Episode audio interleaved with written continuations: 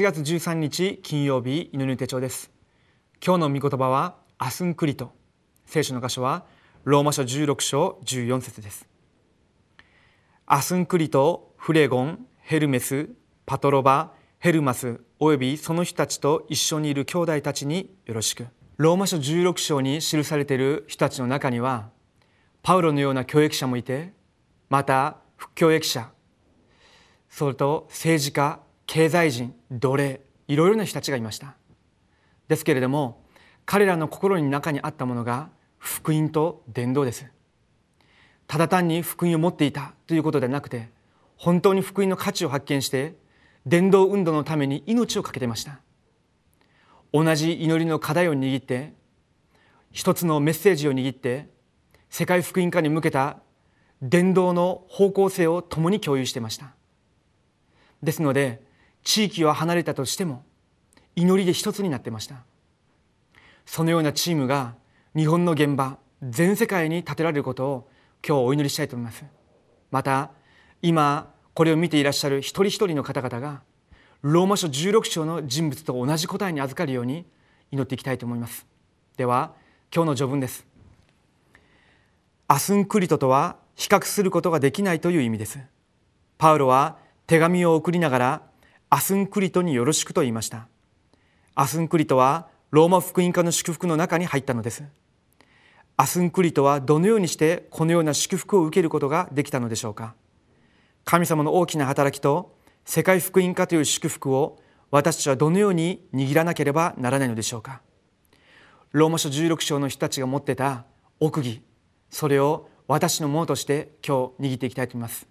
一つ目です。異なる奥義。明日になれば外に出て世の中の人々と同じように生きていかなければならないため異なる奥義を持っていなければなりません。これをどれだけ味わっているかが力があるかないかを左右します。信仰生活に成功したすべての人々には異なる奥義がありました。アスンクリトをはじめとするローマを福音化したローマ書16章の人物たちは皆この奥義を持っている人たちでした。神様の子供であることが確実ならば祈らなくても答えは与えられます。しかし祈りの奥義を知らないと神様の答えを受けても常に時刻表が合わず後になって悟るようになります。祈りの奥義を味わうならば3つのことが起きます。2つ目です。祈りの奥義の中にいる時受ける答え。はじめに神様の大きな恵みが見えるようになります。すべての人が罪を犯したので神様の栄誉を受けることができなかったのですが神様は福音をくださりことしてくださる御霊を与えてくださいました。どんなものもキリストの愛から引き離すことはできません。これは世々にわたって長い間準備された祝福です。これが神様の恵みです。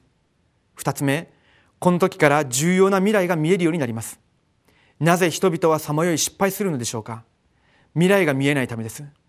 帝国祈りを始めるならば必ず恵みが与えられ未来が見えるようになります。どれくらい未来が見えるようになるのでしょうか。ローマも見なければならない。ローマでも明かしなければならない。必ずカイザルの前に立ちます。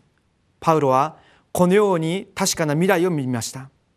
三つ目にこの時から他人にはわからない力が与えられます。神様はパウロに成就するメッセージをくださいました。そして伝道の門が続けて開かれました。アスンクリトとローマ16章の人物たちが受けた祝福を受けるようになりすべての伝道者の家主となるくらいの力が与えられます。ローマ書16章の弟子たちはその当時本当に危機の中で信仰生活をしていました。ですけれどもそのような危機の中にありながらも勝利することができる奥義がありました。福音を持っていたということです。ただ単に福音を知っていたということではなくて福音のその力福音の中にある恵み私に与えられたこの祝福を個人的に発見していたということです。ですのでどういう迫害どういう危機があったとしても揺れることがありませんでした。もう一つはこの福音の奥義を祈りを持って味わう奥義を持っていたということです。祈りの奥義を持っている人はどういう状況の中にあったとしても神様の計画と答えを探し出して勝利するようになります。この秘密を持っていると力が生じるようになります。福音の奥義祈りの奥義神様が与えられる力この3つを持ってローマを征服するようになりました。日本の現場にいるレムナント示したの方々一人一人がこのようなローマ書16章の弟子たちが持っていた奥義を持って日本を生かし世界を生かすようになることが神様の願いだし契約です。今日この約束を握って私も一緒にお祈りしていきたいと思います。では今日のフォーラムの次第です。神様は私たちに世の中を生かすことのできる奥義を与えてくださいました。アスンクリトをはじめとするローマ福音家に大きく用いられたローマ書16章の人物たちはこの奥義を味わったため時代の問題を解決し福音の商人として立つことができました。それでは私は今日何から始めればよいのでしょうか。